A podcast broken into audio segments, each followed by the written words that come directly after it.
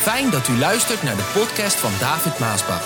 We hopen dat u erdoor geïnspireerd en opgebouwd wordt.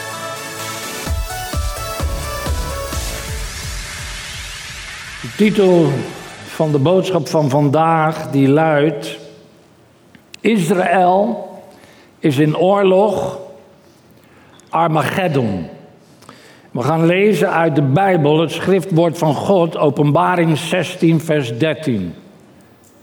En daar staat, Johannes die was op het eiland Patmos en dit is wat hij zag. God liet hem dingen zien die in de toekomst zouden gebeuren, zelfs in de eeuwige toekomst liet God hem dingen zien.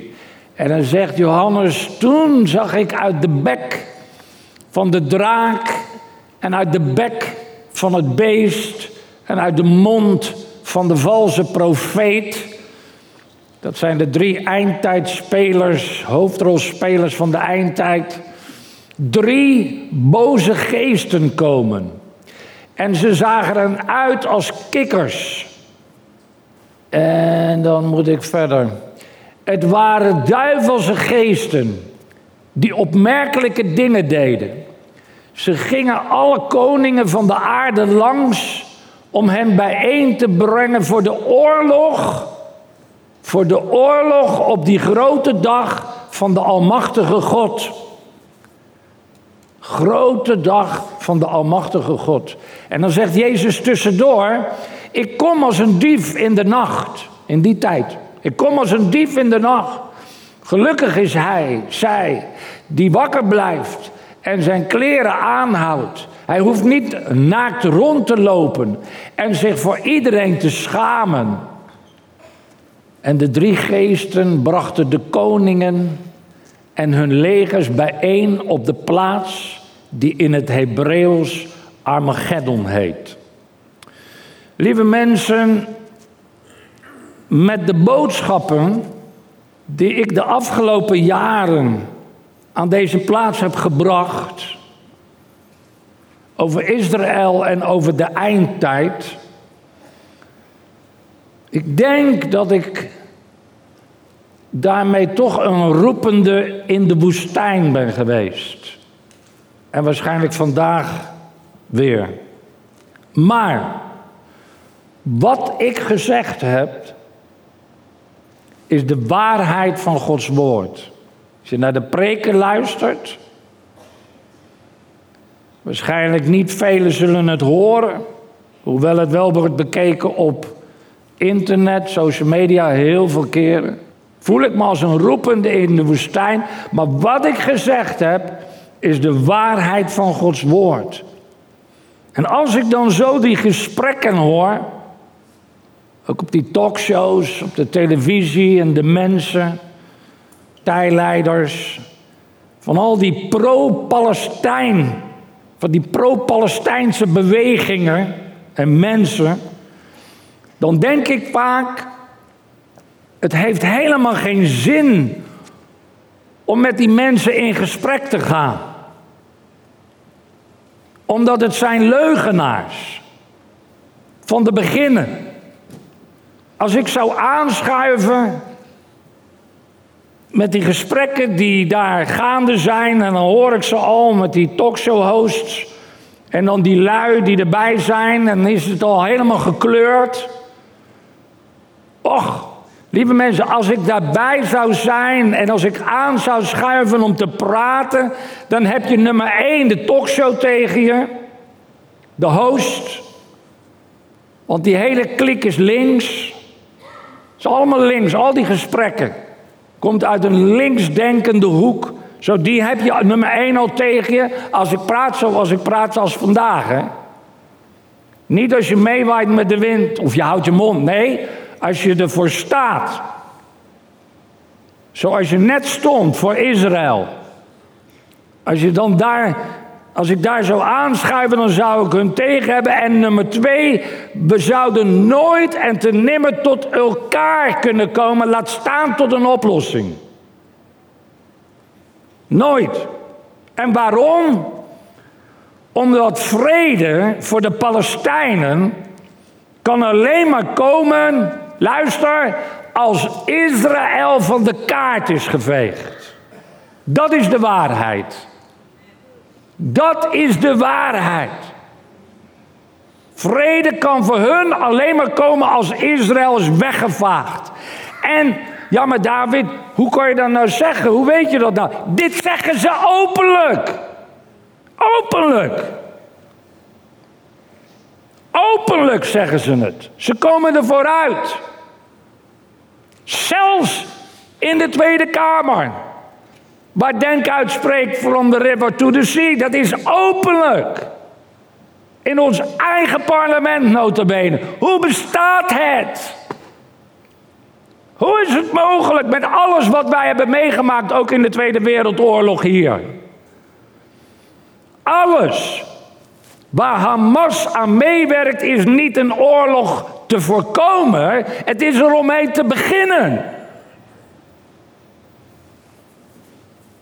Al die verbroken beloften is daar het bewijs van, van de afgelopen jaren. Al tientallen jaren laat Hamas weten dat het een heilige oorlog voert tegen de Joden. Luister mensen, ik ga het vandaag zeggen zoals het is. Trouwens doe ik altijd. Maar helemaal vandaag. En de elite in Nederland, die zijn dom en naïef. Echt dom en naïef. En ze denken dat premier Benjamin Netanyahu erger is dan Hamas. Waanzin. Maar luister, lieve mensen. Het is niet Israël die de Palestijnen als honden behandelt. Maar het is Hamas zelf die hun eigen volk als honden behandelt. Laat dat eens gezegd worden aan die talkshowtafels. Gaza is met haar stranden een prachtige strook aan het Middellandse Zee. Weet je dat? Nee, dat, velen weten dat niet. Velen weten veel niet. Maar Gaza is precies aan de zee een strook land. Prachtig, net als, als die hele Middellandse Zee daar prachtig is, waar veel mensen heen op vakantie gaan. Gaza had het Singapore kunnen zijn van de wereld. Daar, toen Israël in 2005 die Gazastrook overgaf aan de Gazanen. Toen hadden ze een Singapore ervan kunnen maken, als je wel eens in Singapore bent geweest. Het had een prachtig iets kunnen zijn, daar. Waar mensen ook op vakantie heen kunnen gaan en noem maar op om heerlijk pootje te baden aan de Middellandse Zee. Prachtig strookje land. Heel Israël is mooi. En dat strookje land van Gaza komt daar ook uit, is dus ook mooi. Maar luister, lieve mensen, het lot van de Gazanen vandaag is het lot wat Hamas zelf voor zijn volk heeft gecreëerd.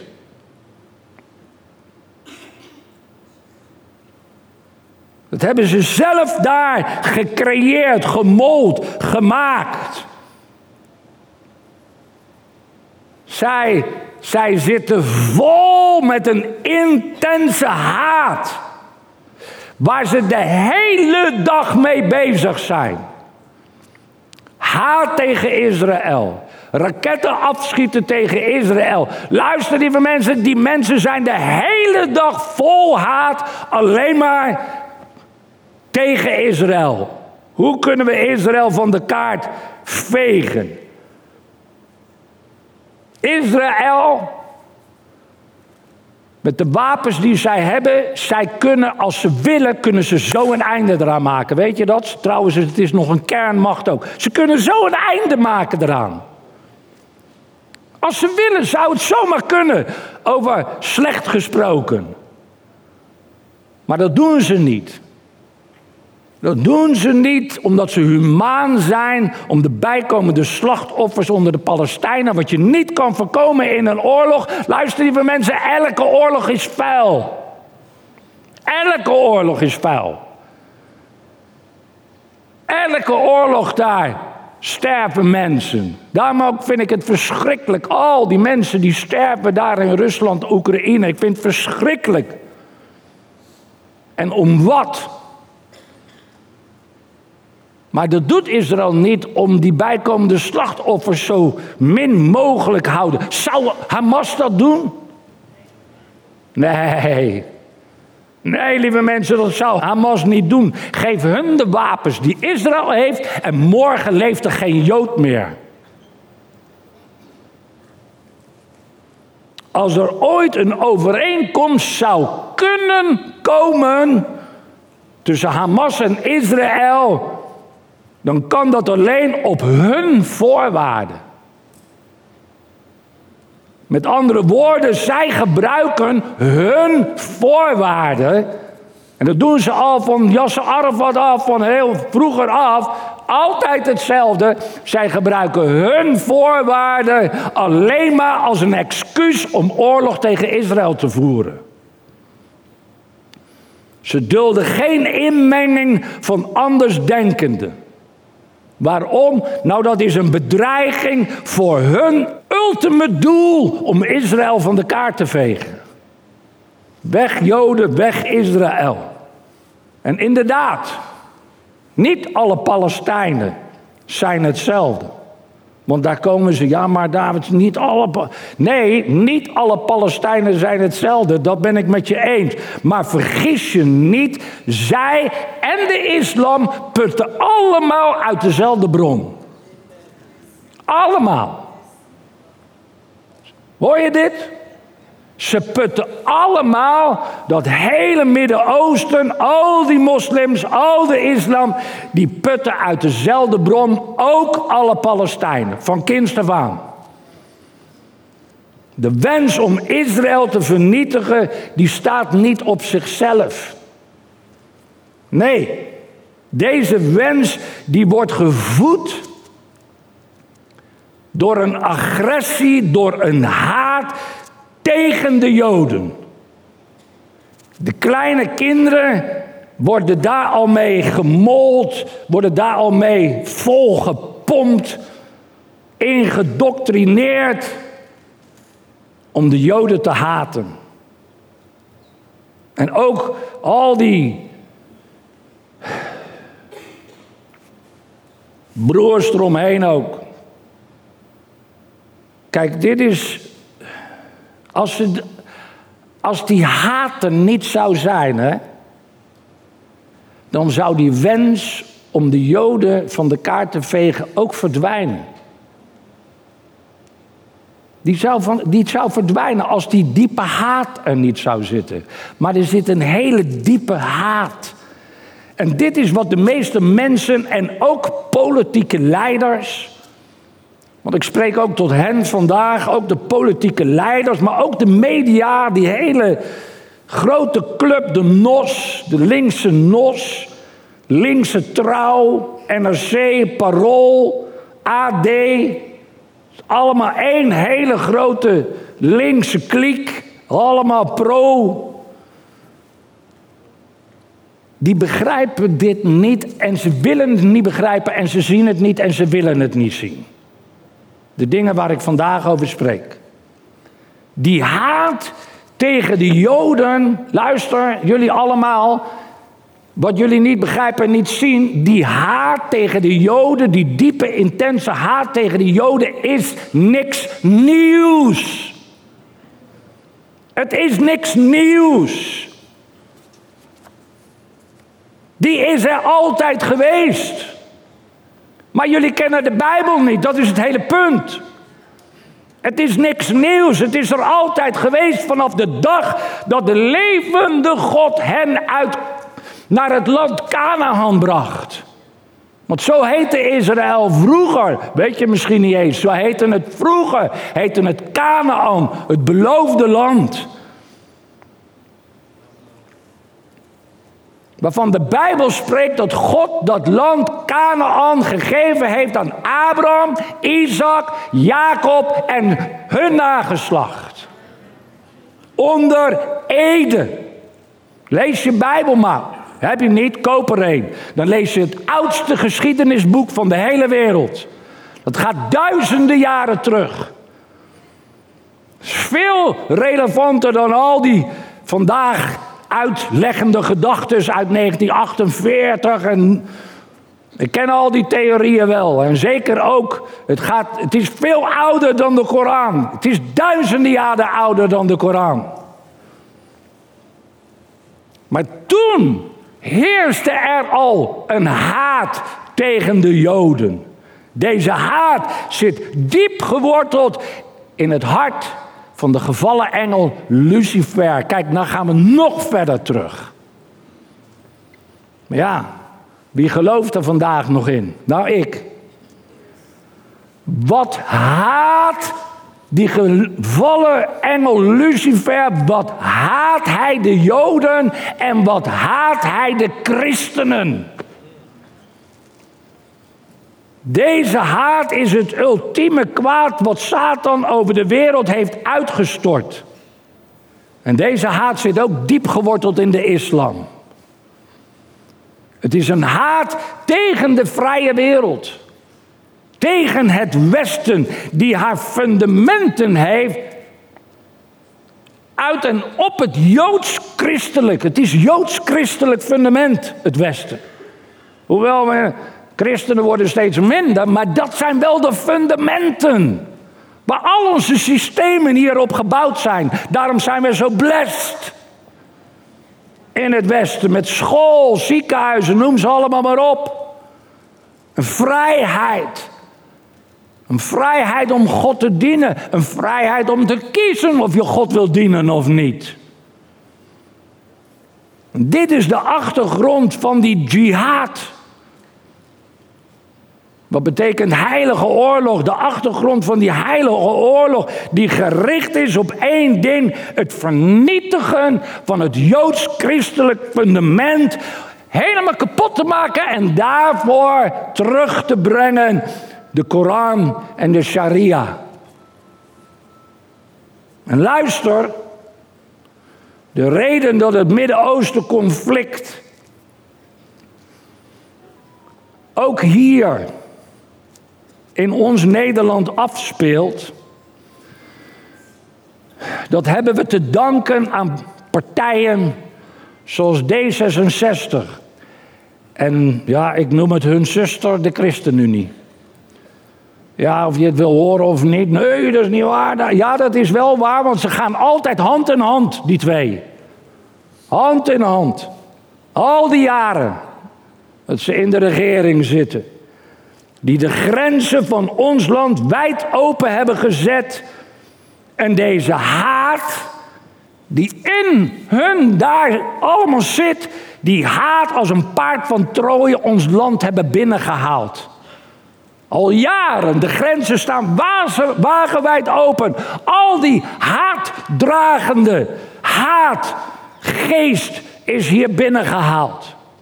Door die partijen. Ja, en als wij straks hier 5 miljoen of zo moslims hebben. en ze gaan allemaal op denk stemmen in onze mooie democratie. heb je te danken aan deze partijen, deze mensen. Maar luister, jullie komen ook voor de troon van God te staan. Waar je verantwoording moet afleggen over deze dingen die jullie gedaan hebben. En ons land ingebracht hebben waar we vandaag zijn. Dit heeft niks te maken met welwillendheid ten opzichte van vluchtelingen, waar jullie altijd maar mee komen. Maar het is ongehoorzaamheid om de waarschuwingen van het woord van God in de wind te slaan. Dat is wat jullie gedaan hebben. De meeste politieke leiders, maar ook de media en, en die, die, die kranten. Die, wat zijn dat voor kranten? Je hebt nog een naam ook. Maar die hebben geen, geen, geen benul. Geen, geen benul van wat er echt aan de hand is in de wereld. Ook niet in Nederland en jullie ChristenUnie ook niet. Jullie zijn vruchtbare grond voor de leugens van al die Israël-haters. En wij zitten ermee vandaag. En onze kinderen nog erger. Lieve mensen, Ik sta hier niet als een prediker die de ander de les wil lezen. Nee, echt niet. Ik sta hier om de waarheid van het woord van God te prediken. Te zeggen en te vertellen aan iedereen. Daarom sta ik hier. Ik zou graag willen prediken dat ik de oplossingen en de antwoorden weet. Maar die weet ik niet. Ik zou graag willen prediken dat er mensen en partijen staan. Denk aan de verkiezingen die eraan komen. Dat er mensen en partijen zijn die ons uit de ellende kunnen halen, maar die zijn er niet. Ik zou graag willen prediken dat onze kinderen en kleinkinderen een toekomstige wereld tegemoet gaan van vrede en van voorspoed. Maar dan lieg ik, want die is er niet. Nee, lieve mensen, de Bijbel, de Bijbel, die vertelt ons precies wat de toekomst is. De Bijbel vertelt ons precies wat er gaat gebeuren en wat voor ons ligt. 1 Thessalonicense 4 vers 16 zegt het zo. Want als het signaal klinkt, de trompet, de bazuin, alarm, noem het maar op. Als het signaal klinkt en een van de voornaamste engelen zijn stem laat horen en de trompet van God schalt, zal de Heere zelf uit de hemel nederdalen. Als de bezuin klinkt. En dan zullen de gestorven christenen eerst opstaan. En daarna zullen wij, die op dat moment nog leven, zullen wij met hen, met die eerste die opstaan, met hen in de wolken worden opgenomen om de Heere Jezus in de lucht te ontmoeten en altijd bij Hem te zijn. Dat is wat er staat te gebeuren. Dit is het eerst grote evenement wat staat te gebeuren, wat komen gaat. De eerstvolgende grote gebeurtenis. Dat zal plaatsvinden als de bazuin, alarm, trompet zal klinken en de engel zal zeggen: Het is tijd. Miljoenen mensen die dicht bij Jezus leven, die wandelen in de wegen des Heren plotseling. In een oogwenk, plotseling. Uit de bus, uit de tram, uit de auto, uit het vliegtuig, uit het werk, uit de school, Jezus tegemoet gaan in de lucht. Woe! Dit is een grote gebeurtenis. Er zullen velen achterblijven, maar plotseling, oh, dat wordt een chaos. Wat denk je als een piloot in één keer. Ja, ja, ja, zeker. Dan kan je beter ook uit dat vliegtuig. Anders ga je. Ja, ja, dat wordt een chaos. Dat zal overal in één keer op CNN en al die nieuwszenders zijn. Waar zijn al die mensen? Waar zijn al die mensen? Ze zullen er niet meer zijn. En luister, ik zal er niet meer zijn. Ik zal er niet meer zijn. Mijn vrouw zal er niet meer zijn. Mijn kinderen zullen er niet meer zijn. Mijn kleinkinderen zullen er niet meer zijn. Mijn hele nageslacht zal er niet meer zijn. Wij zullen er niet meer zijn. Trouwens, je mag alles hebben. Wil je dit hebben? Je mag het hebben. Je mag alles hebben. Alles mag je hebben. Noem mij maar gek. Noem mij maar een secteleider. Noem mij maar een antichrist. Ja, ik ben, eh, dat hebben ze mij allemaal genoemd. Dus ik, uh, ik sta van niks meer te kijken. Wat, en, en christenen, hè? nou christenen. Mensen die zeggen christenen te zijn. Die deze dingen zeggen en schrijven. Hè? Ook in die comments. Ik laat ze allemaal staan. Is mij wel eens gevraagd, David, papa, uh, broeder David, wil je wel eens de comments weghalen? Als het geen bedreigingen zijn, dan laat ik ze allemaal staan. Want als het moment komt, dan weet jij wat je geschreven hebt. En wat daar allemaal staat en hoe je mij genoemd hebt. Maar schrijf het maar op dat ik een geldwolf ben. Schrijf het maar op Praat er maar over, zeg het maar. Ik ben een valse leraar, ik ben een bedrieger. Ik misleid mensen. allemaal dingen die, die ze gezegd hebben. Maar luister, luister, luister. Wat je ook schrijft. Wat je ook zegt. Wat je ook doet. Het woord van God verandert niet. Jezus komt terug. Wat je ook zegt. Ja, echt. En de opname van de gemeente zal plaatsvinden. Wat er ook gebeurt. En als jij je niet bekeert tot de levende God, zal je achterblijven en door de grote verdrukking gaan zoals de Bijbel heeft gezegd. Maar ik niet.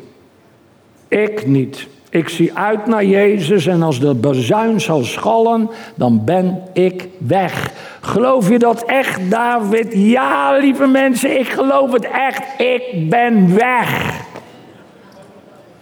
Als al die ellende komt, en één die grote verdrukking komt en, en nog veel meer, dan ben ik weg.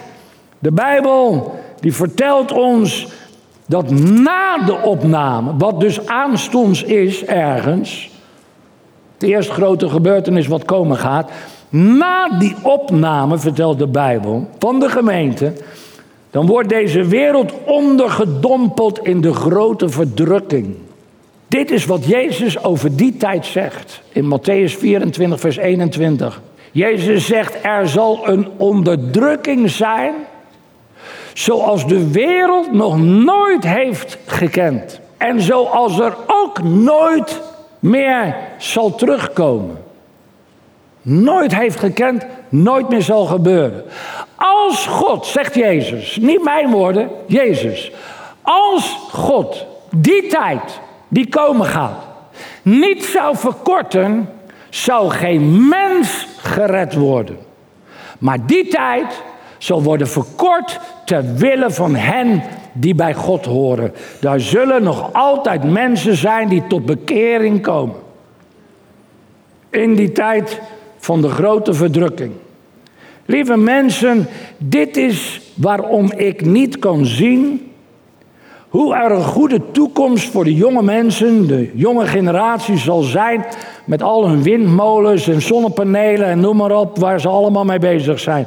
Om zo gezegd een goede toekomst te geven aan de volgende generatie. We moeten de aarde goed achterlaten. Nou, dat moet je zo en zo. Moet je zo en zo. Maar om je hoop op die zonnepanelen en windmolens en al die dingen te zetten, lieve mensen, je ziet het hele plaatje niet, want je kent de Bijbel niet. De toekomst zal anders zijn. Het zal verschrikkelijk zijn. Nee, zegt Jezus, een grote verdrukking zal er zijn. Dat zal de toekomst van deze planeet Aarde zijn. En dat moet een verschrikkelijke tijd zijn. Volgens de woorden van Jezus. En voor veel mensen is het nu al een hel op aarde. Met al de hongersnoden, aardbevingen, overstromingen, epidemieën, oorlogen, dictators, tirannen, zinloos geweld. Oh, wat een, wat een ellende zie je overal. Overal in de wereld.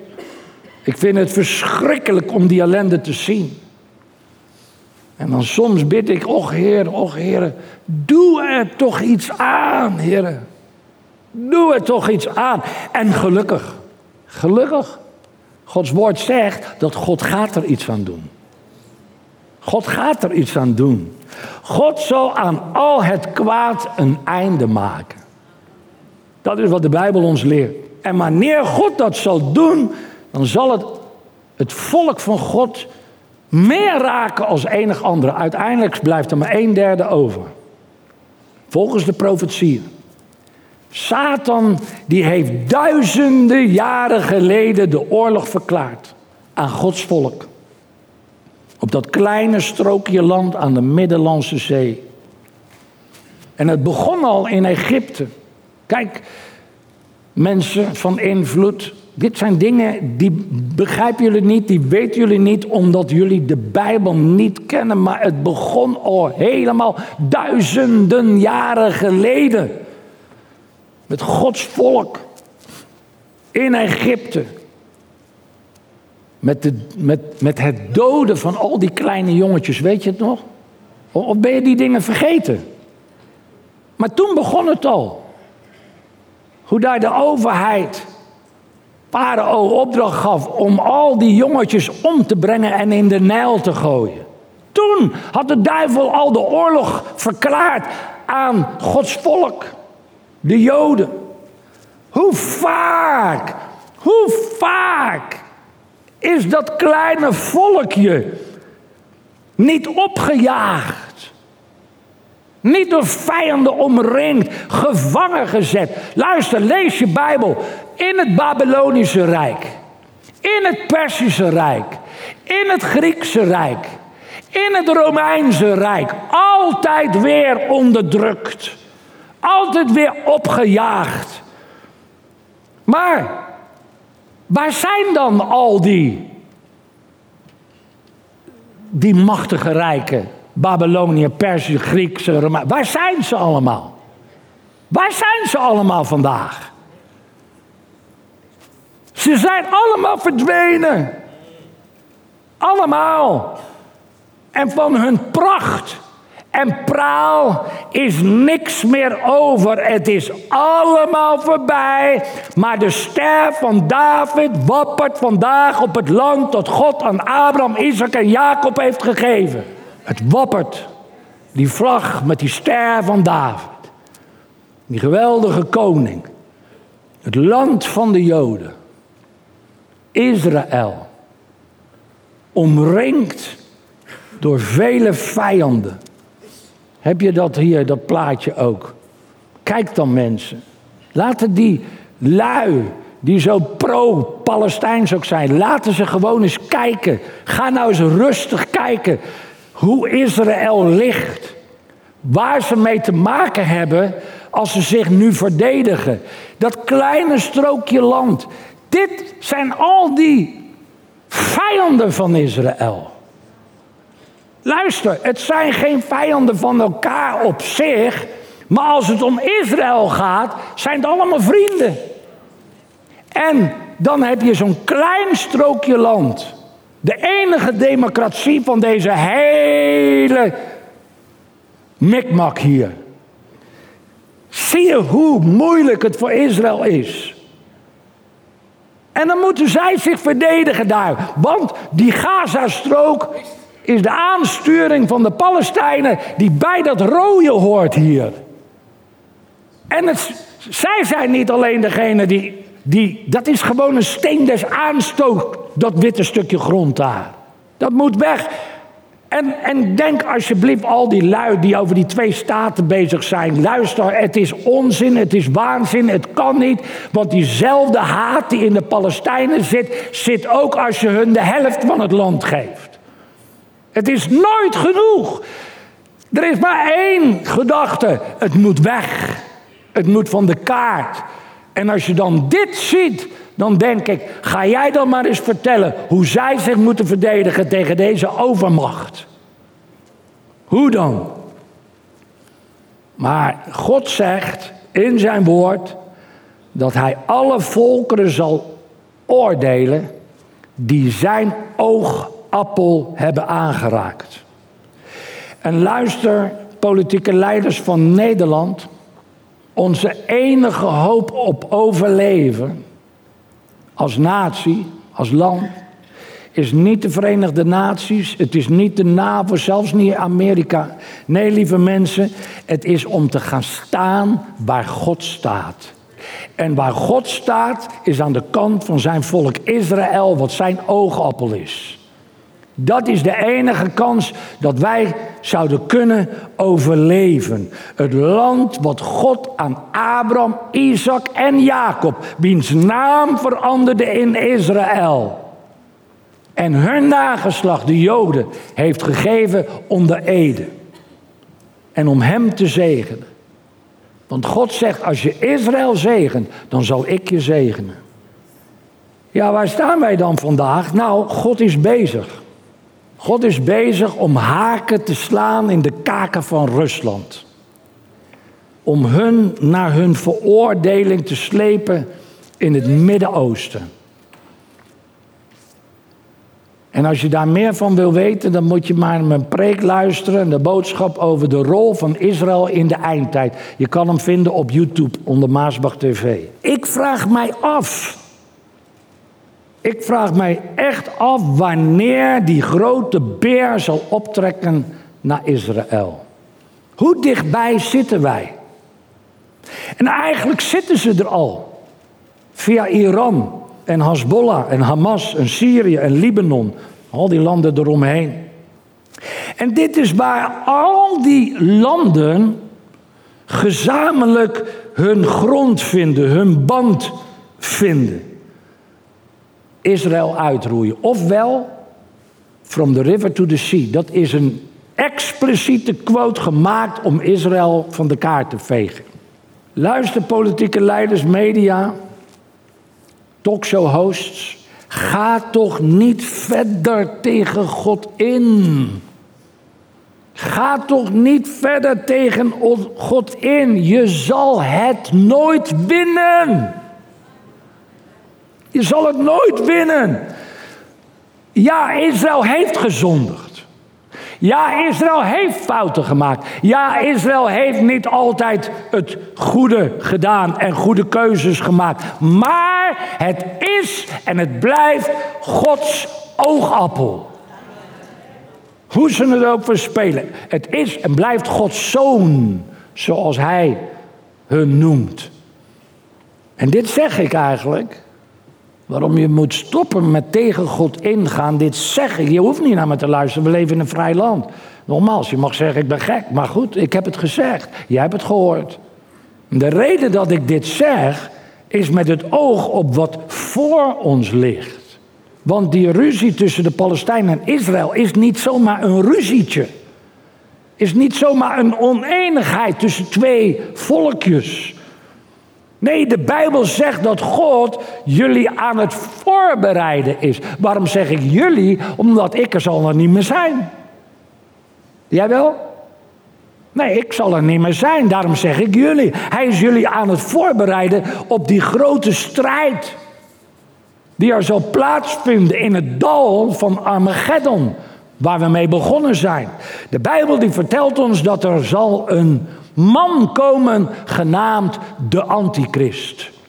En hij, die antichrist, die zal uiteindelijk precies hetzelfde doel hebben als Haman.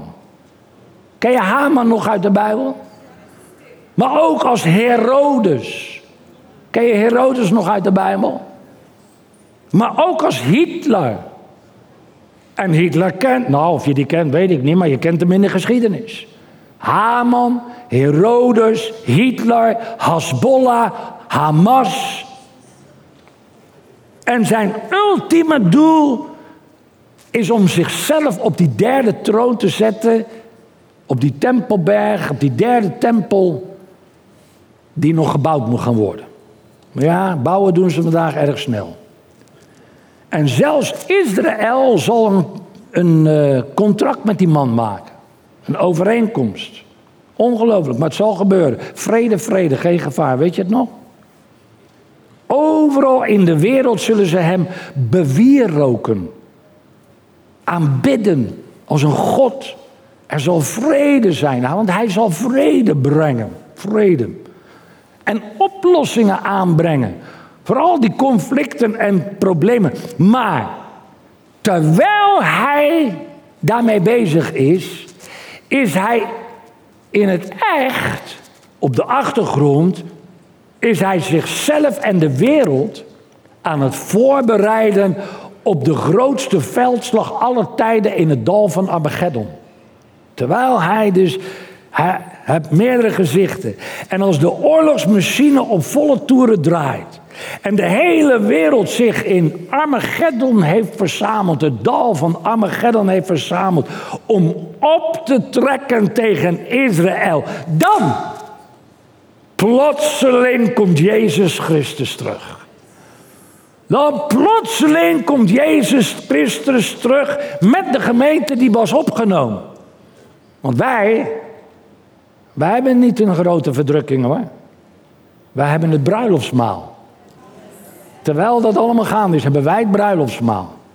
Als het dan allemaal zo gaande is, dan komen wij, de gemeente en al die miljarden engelen, die komen met Jezus Christus terug en hij komt in majesteit en in glorie, vertelt de Bijbel. Ja, de olijfberg die zal door midden splitsen. Jezus zal door die gouden poort heen wandelen en plaatsnemen op de troon van zijn vader David. Dat is wat de Bijbel ons vertelt. En Jezus zal laten zien dat Jeruzalem is zijn stad. En Israël zijn land. En Jezus zal een einde maken in het dal van Armageddon. Met iedereen die tegen Israël is opgetrokken. En God zal laten zien dat Israël nog altijd zijn oogappel is. Ja, lieve mensen, Jezus komt terug. Hij komt terug met Abraham en Isaac en Jacob en Jozef. En Sadrach, Mas, Messach, Abednego. Daniel, David, Mozes zal er zijn. Jozua, Paulus, Petrus, Johannes, Jacobus. Die zullen er allemaal zijn. Ragab, Rebecca, Deborah, Esther, Rut, Mirjam. Maria, die andere Maria, Martha. Ze zullen er allemaal zijn. En ik zal er ook zijn. Ja, ik zal er ook zijn. Met mijn hele gezin, mijn hele nageslacht en allen die Jezus hebben aangenomen als een redder, als een verlosser. En een oud woord zegt zaligmaker. Zeg, heb jij nog niet jouw leven aan Jezus toegewijd? Doe dat dan nu en vandaag, voordat het straks te laat is. En alles wat je hoeft te doen, is je hart te openen. En te zeggen, Heere, Heere Jezus, kom in mijn hart. Kom in mijn leven, kom in mijn denken. Vergeef al mijn zonden, vergeef al mijn fouten en neem mij aan als uw kind. En ik zal u vandaag aannemen als mijn redder en mijn verlosser en ook als mijn vader. En dit is wat ik wil geloven. En vandaag een nieuwe dag, Heer. Ik wil u gehoorzaam zijn, u volgen en u dienen, Heer Jezus, en leven naar uw woord en wandelen op uw wegen. En dan straks de bazuin zal klinken, dan zal ik samen met u voor altijd zijn. In Jezus' naam. Amen.